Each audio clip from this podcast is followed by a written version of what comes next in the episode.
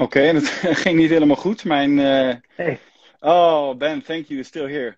My, hey, yeah, sorry. My, my phone overheated.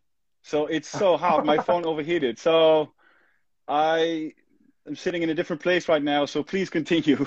Okay, well, I'm sorry. So, Jasper, I don't know. I, I think the audience was still hearing me. Does that sound right? Yeah, I'm gonna ask. Uh, jongens, hebben jullie uh, Dr. Bigman nog kunnen horen? Mijn telefoon. I, I, saw that. I saw that you froze, but I think they were still making comments. So I just kind of finished that idea of carbohydrates. Yes. All right. Let's go. Yeah. I'm back. Okay. So yeah, that, that, that. my view. But I don't want Jasper. I wouldn't want someone to misunderstand me, because while I I I, I, do say, and I defend it vigorously, humans do not need carbohydrates in the diet. They are non essential. Even the most um, strict dietitian would have to say that. They have to acknowledge that, that carbohydrates are not essential. I'm not declaring war on carbohydrates, though. I'm only saying um, they're not essential, so let's put them in their place. Let's not build our whole diet on the one macronutrient that we don't need. Um, and, and, then I would say it also happens to be the one macronutrient that spikes insulin the most, and, which to me is a concern.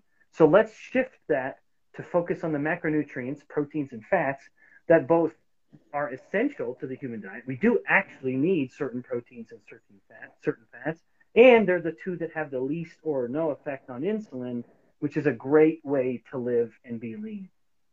Right. So you talk about uh, in the book about hyperinsulinemia and that's uh, basically basically the root of of of it all. You know, the the the root of uh, of the of the chronic disease. Yep. So what what is causing though? What is hype? What is the insulin doing to really cause the chronic disease? What are the processes that it's doing to uh, create these chronic diseases? Yeah, yeah. So uh, in, let me put that in the in the frame of insulin resistance. Insulin resistance, I like to say a new a new example or, or uh, comparison analogy that I use now is that insulin resistance is a coin, and if I'm holding a coin, the coin has two sides. On one side of the coin is the insulin resistance, where insulin isn't working the same way that it used to at certain cells of the body. On the other side of the coin is the hyperinsulinemia, the fact that insulin levels are chronically elevated. Those two play together to drive diseases.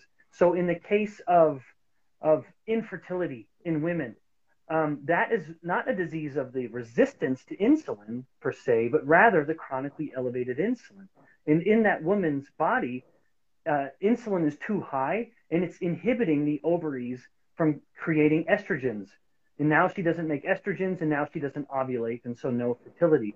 In stark contrast, um, the most common form of infertility in men is erectile dysfunction. That isn't a disease of the high insulin necessarily, although these two things always go together. High insulin and insulin resistance are always together. But in him, it's that his blood vessels have become insulin resistant. Insulin isn't working as well at his blood vessels. Insulin will normally tell a blood vessel to dilate to increase blood flow. But in him, his blood vessels are insulin resistant. And so even though insulin's trying to induce this dilation or growth of a blood vessel, it doesn't work. And the blood vessels stay constricted. And now he has erectile dysfunction. So around the entire body, uh, with Alzheimer's disease and liver problems and bone and muscle problems, it's kind of a balance. Some diseases are arising because of the insulin resistance itself, where the cell isn't responding very well to insulin. Other diseases are happening because the body is swimming in a sea of insulin, and that is hurting those cells that are still responsive to insulin because some of the cells are still responsive and sensitive to insulin like they always were. But now there's just so much insulin that they're told to do too much, and, and it works against the body. Yeah, so then you uh, also get uh, stuff like high uh, blood pressure. That's mm-hmm. also basically uh, insulin resistance in the veins. Am I correct? Yeah, uh, yeah, So the cells change the lock. Uh, sugar is no longer welcome. It stays in the body. It glycates. Is that correct? Mm-hmm. Yeah, mm-hmm. and, and that will make the body just chronically inflamed. Am I saying this right? That's that's true. Yeah. So inflammation is a is a very unique kind of player in this in this movie that we're talking about with insulin resistance and, and, and health, where inflammation can be a result of, of chronically elevated glucose. When you are glycating amino acids in the blood, that, that starts to stimulate inflammation in the body. And in turn, inflammation is one of the key drivers of insulin resistance. So if, if the body's experiencing higher levels of inflammation, that is a key drive or key cause of insulin resistance. Yeah, and you also talk about uh, waist circumference. Uh, you know, yep. if you have a bigger waist, that's also a very big indicator that you're insulin resistant. So now, now the people are taking action. They're dropping their carbs. Uh, what is the role of ketones, uh, which are basically not used when you're insulin resistant, uh, only uh, uh, glucose. Um, what's happening with the ketones once you drop the carbs and then you go, you know, you lower the inflammation and then the ketones come up and they do, uh, yep. they are used as energy. Yep. Yeah. That. Yes, you said it all very well. So ketones have an actual caloric value comparable to glucose. They have almost the exact same number of calories as glucose does. So it's a very viable energy source. The body, the cells of the body are very hungrily using ketones, especially the brain. The brain, the moment ketones start going up in the blood, the brain starts using more ketones in place of glucose. So in the normal um, individual who's eating lots of carbs all the time and they have high insulin, the brain is using all glucose for energy and no ketones because if there's lots of insulin, there's no ketones. But the moment ketones start to go up, the brain will start using less glucose and start using more ketones. So the brain perhaps prefers ketones as a fuel. And that might be why people with migraine headaches and epilepsy and, and Alzheimer's disease, they start to feel better and think better when their ketones are higher. It could be because you're fueling the brain a little better. Now, but then to back up, a ketone is essentially a piece of fat, a piece of burned fat. And by that I mean when when insulin is low, the body really starts increasing its fat burning. So the body has two primary fuels that are that are fueling most of our energy demands: glucose and and ketone uh, and fat, glucose and fat.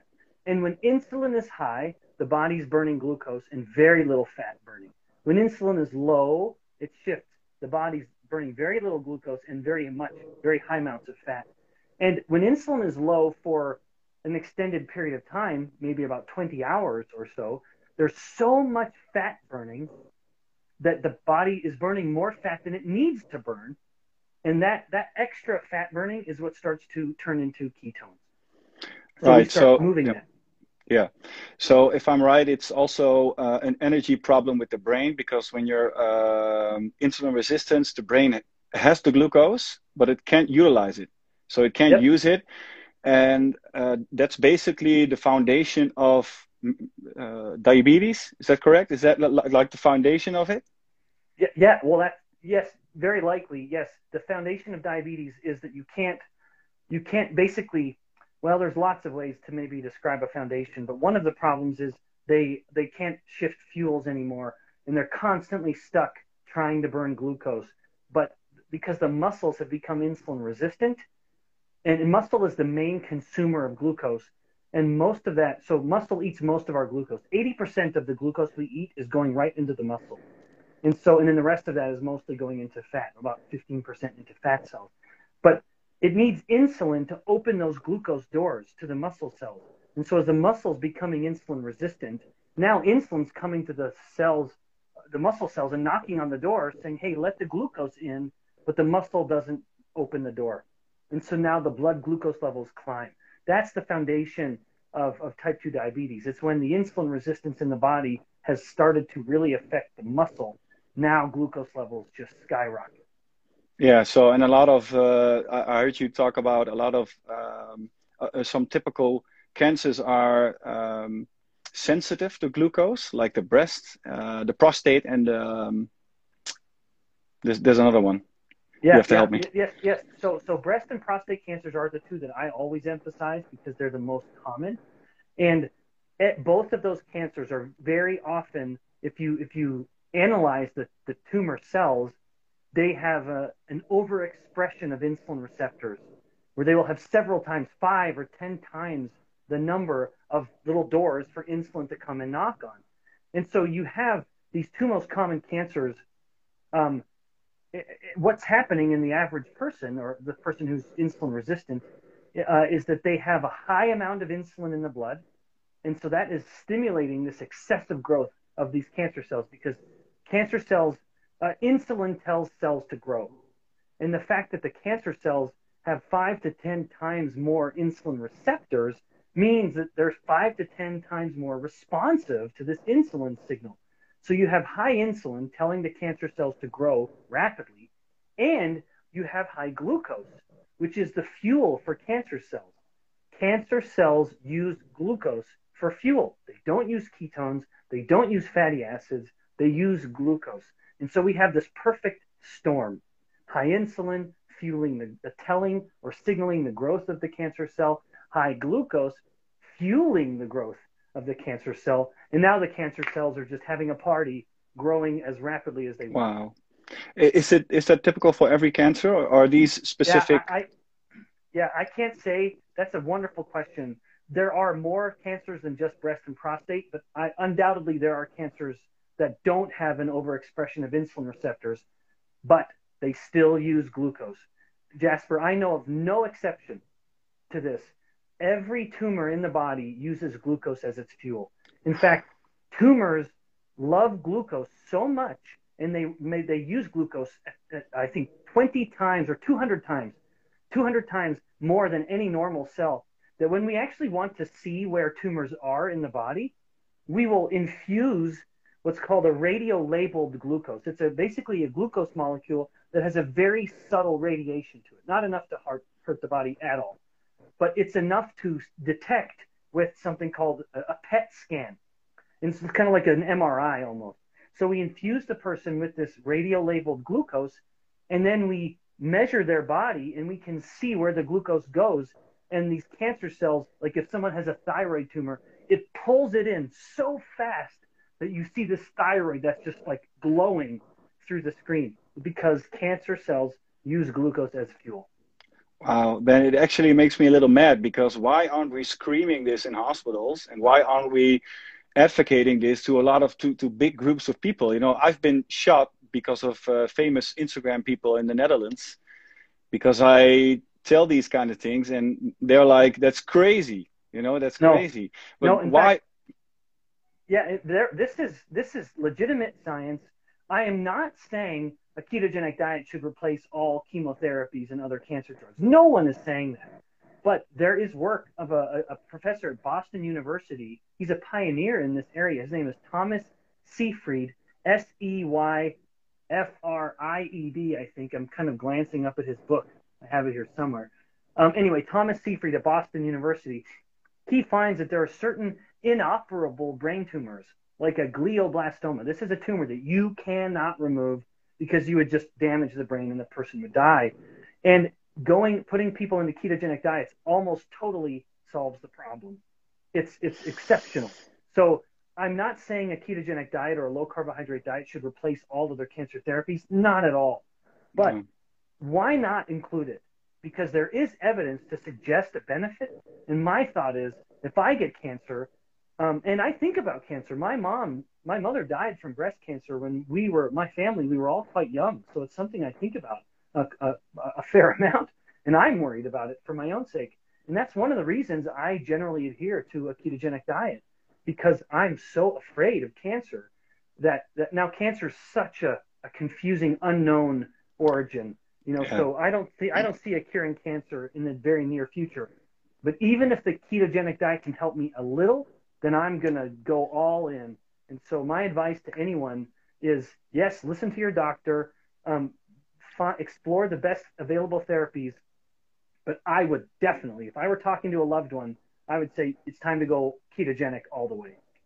Yeah, my mother actually had breast cancer last year, so she went on a keto- ketogenic diet and uh, lost a fair amount of weight. So I'm really happy about that, and I'm also and she's scared. doing well now she yeah she uh, her medication it was actually my next question her medication she, uh, they took away two two medication um, and the medication is basically like uh, insulin right because they bump up the insulin higher when you're di- uh, diabetic with the yeah. medicine. And I saw that in your video, and I was sh- shocked, and I couldn't sleep anymore. Like, what is this real life? Oh, what is this? crazy. And Jasper, we we know we have data that when you treat, so this is I, I don't mean to get off on too much of a tangent, but in, in type two diabetes, insulin is high. It's just that it's not working well.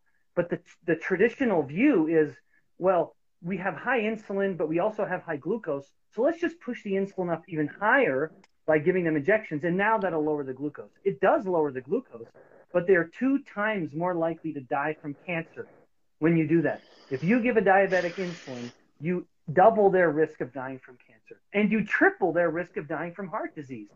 So when we give a type 2 diabetic insulin, not type 1, but type 2, um, you we make them fatter and we kill them faster. But it's a wonderful way to sell more insulin. But why are they using it? What's the reason behind this medicine? What's the reason? I, I, I honestly think it's because maybe two reasons. One, they don't understand how dangerous high insulin is. That might be a true ignorance on their part.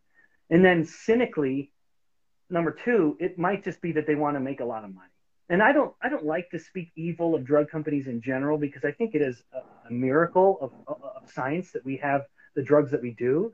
But in the case of insulin in type 2 diabetes, I think that is just a way to make a lot of money.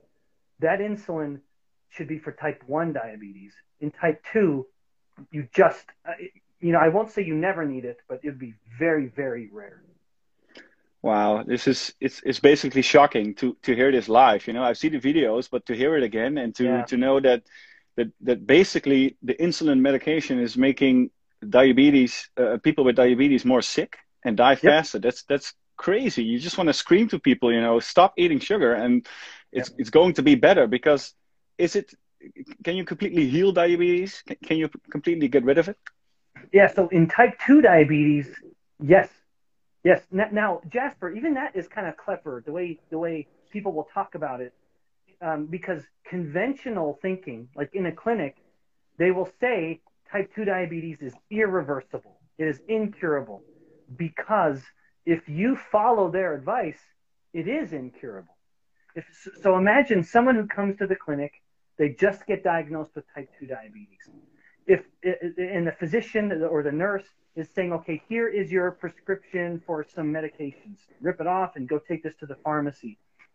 If they try to treat their type 2 diabetes with medications, it will never go away. They will always need to take medications. It will never cure the problem. And so that's why they will say that, because if you follow their typical strategy, which is taking drugs, then it will never get better because diabetes, type 2 diabetes, is not a disease of that is caused because you aren't taking drugs. It's a disease of your diet. And so, if that conversation in the clinic goes rather than, okay, here's your prescription for a drug, if they say, here's your prescription to change your diet, go meet with this dietitian, and the dietitian knows that this is a disease of too much glucose and too much insulin, and so let's just lower your glucose, let's lower your insulin, and now the disease starts to get better because that is the truth. Type 2 diabetes is a dietary disease. And only when we change the diet do we actually improve the disease. But this sounds crazy to some people. Other people, they say that makes all the sense in the world. That is perfectly rational. I even like to end that thought by mentioning some diabetes drugs. So there are some of the popular diabetes drugs are called um, SGLT inhibitors. SGLT inhibitors, there are two different types. They will try to block the digestion of glucose from our diet. So we eat a bagel and you take an SGLT inhibitor and you just don't move that glucose into your blood and it stays in your guts. And it gives you terrible diarrhea, unfortunately. But all, there's another type which you take this drug and then it basically starts pushing all of your glucose from your blood into your urine so that you urinate it out. And then you have a much, much higher amount of urine. But in that case, you're putting so much glucose in your urinary tract that they're much more likely to have infections because there's always bacteria in the urinary tract. And bacteria, like cancer cells, use glucose as their fuel. So we basically are just giving the bacteria all the sugar they want to grow, and so they grow very rapidly. But what's so crazy about this? We're giving a person a drug to block their glucose digestion in their guts, or we're giving them a drug to push the glucose out into their urine. And then I'm just standing on the side whispering, why not just eat less glucose? Let's yeah. just eat less glucose. If that's what you're trying to push out of the body, then just put less in the body in the first place. And that's why a low carbohydrate diet can, in fact, cure type 2 diabetes. You can put someone with type 2 diabetes on a low carbohydrate diet, they can get off every single medication and have no clinical signs of the disease anymore. Wow, this is amazing. This is really good for the, the people in Europe and Holland and Belgium, and also some people uh, from the United States hear. So Ben, I'm looking at the time. Can I ask one more question? Just a final uh, question about uh, about the ketogenic diet. It's uh, a very important debate we had with a lot of people from Instagram that are promoting this high carb, low fat diet um, and counting calories. That's really something. If you could elaborate on counting calories is not an efficient way to lose weight and get healthy, that would be amazing. Yo, happy to. Yes. So I think counting calories is a short term way to lose weight, but it's not viable long term. So and and there's a lot of reasons for this, but maybe I'll I'll take a step back and present my big view. My view on on obesity and fat cells and the growing and shrinking of the fat cells is that you can you can you can shrink fat cells through two different mechanisms. One is controlling the energy. In other words, low calorie. You just start robbing the body or depriving it of energy. Yes, it's going to start using more of its own energy, and then body weight will go down. Body fat will go down. Also, there's low insulin. And the low insulin strategy acknowledges that insulin totally controls the growing and the shrinking of a fat cell. That is 100% truth. There's no getting around that fact. You literally as we grow fat cells in my own lab right across the hallway, you cannot make a fat cell grow unless insulin is high. In contrast, you cannot make a fat cell shrink unless insulin is low. It is impossible. Now, I'm not saying energy doesn't matter. I'm not saying calorie number doesn't matter, but there's something really clever that the body can do when insulin changes. When insulin goes down, metabolic rate goes up and ketone production goes up. And I'll mention that point in a moment. But when people are trying to go into perfect thermodynamic balance with calories in, calories out, you can never know exactly how much calorie you're putting in. You can never, ever know exactly how much calorie is going out. It's impossible. That's part of the problem with the calorie in, calorie out. You cannot know the truth, the, the, the true um, uh, fidelity or accuracy of trying to count calories. But when insulin is low, we are burning about 300 calories more per day than when insulin wow. is high. That's a lot of excess calorie burning. And if you're making ketones, remember a ketone is a piece of fat. And this is a, and when you're when you have higher ketones, you are breathing them out and you are urinating them out. That is actual caloric energy that we didn't have to store, that we didn't have to work hard and work out to burn. We just wasted it from the body. So we have this kind of third way of, of you know accounting for calories that no one ever actually accounts for. And so my view on obesity is yes, calories matter, but if we overlook what those calories do to insulin, then we're missing what I consider is the most important piece of the puzzle. Because if insulin is high, metabolic rate will slow down and the body wants to store energy more. If insulin is up, uh, sorry, if insulin's low, then metabolic rate goes up and fat cells are breaking down fat and the body's using energy and metabolic rate, of course, is high. Now, having said all of this, one last comment. My frustration with the low calorie approach is that it is based on hunger. And hunger always wins. This is why I say there's a short term benefit but hunger always wins, which is why if you're calorie counting, you almost always will lose and you'll go right off it and gain all your weight back. But if you start your, your weight loss journey with a low insulin approach that isn't based on eating less, The low insulin approach just says control your carbohydrates, you know, focus more on fruits and vegetables, very little grains, very, very little sugar, um, and then focus more on protein and fat. And you can eat when you're hungry, and when you're not hungry, don't eat. That's really the key. So you don't have to be hungry. And that's the low insulin approach. So my idea, your journey is start with the low insulin approach. Control carbohydrates, prioritize protein, don't fear fat. And then you will lose weight. And then you'll get to a plateau, usually.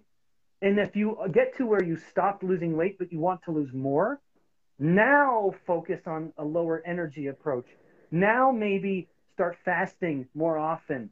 You know, before you were fasting just because you weren't hungry. Now we say fast because you're planning it.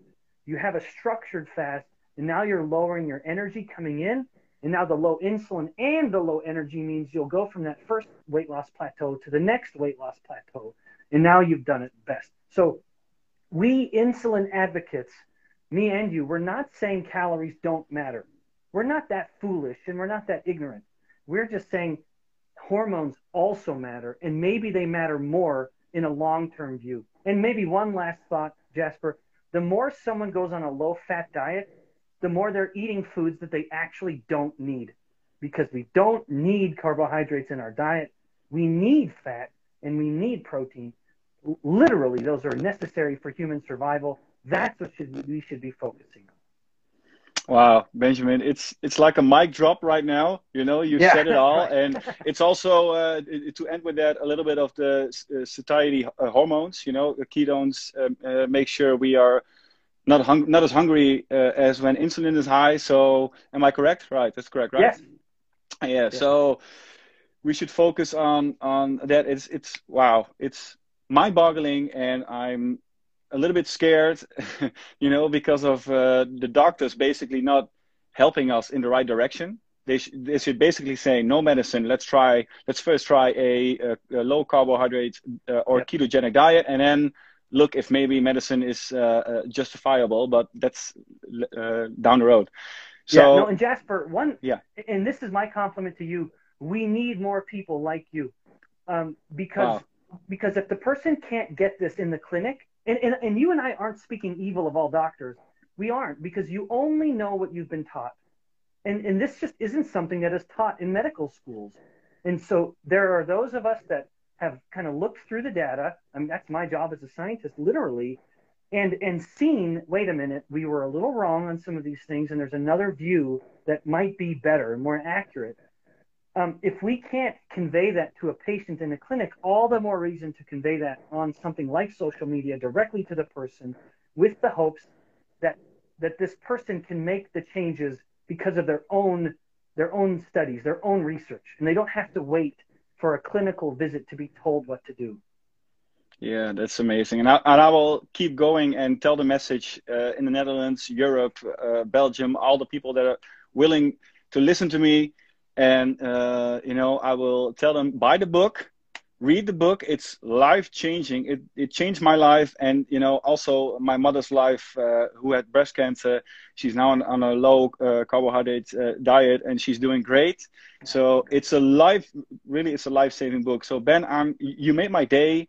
I was a bit nervous but i want to thank you. I want to thank you so much for this conversation. I'm really happy uh, how it all went. And, you know, I just want to thank you. Thank you so much. Oh, my pleasure. My pleasure. Let's keep in touch. Happy to be a resource and, and truly grateful um, to be kind of on the front lines with you. We're part of the same army, fighting, fighting the same battle to just give knowledge to people and then let them, with the, all of the knowledge, hiding nothing, let them make their own decision.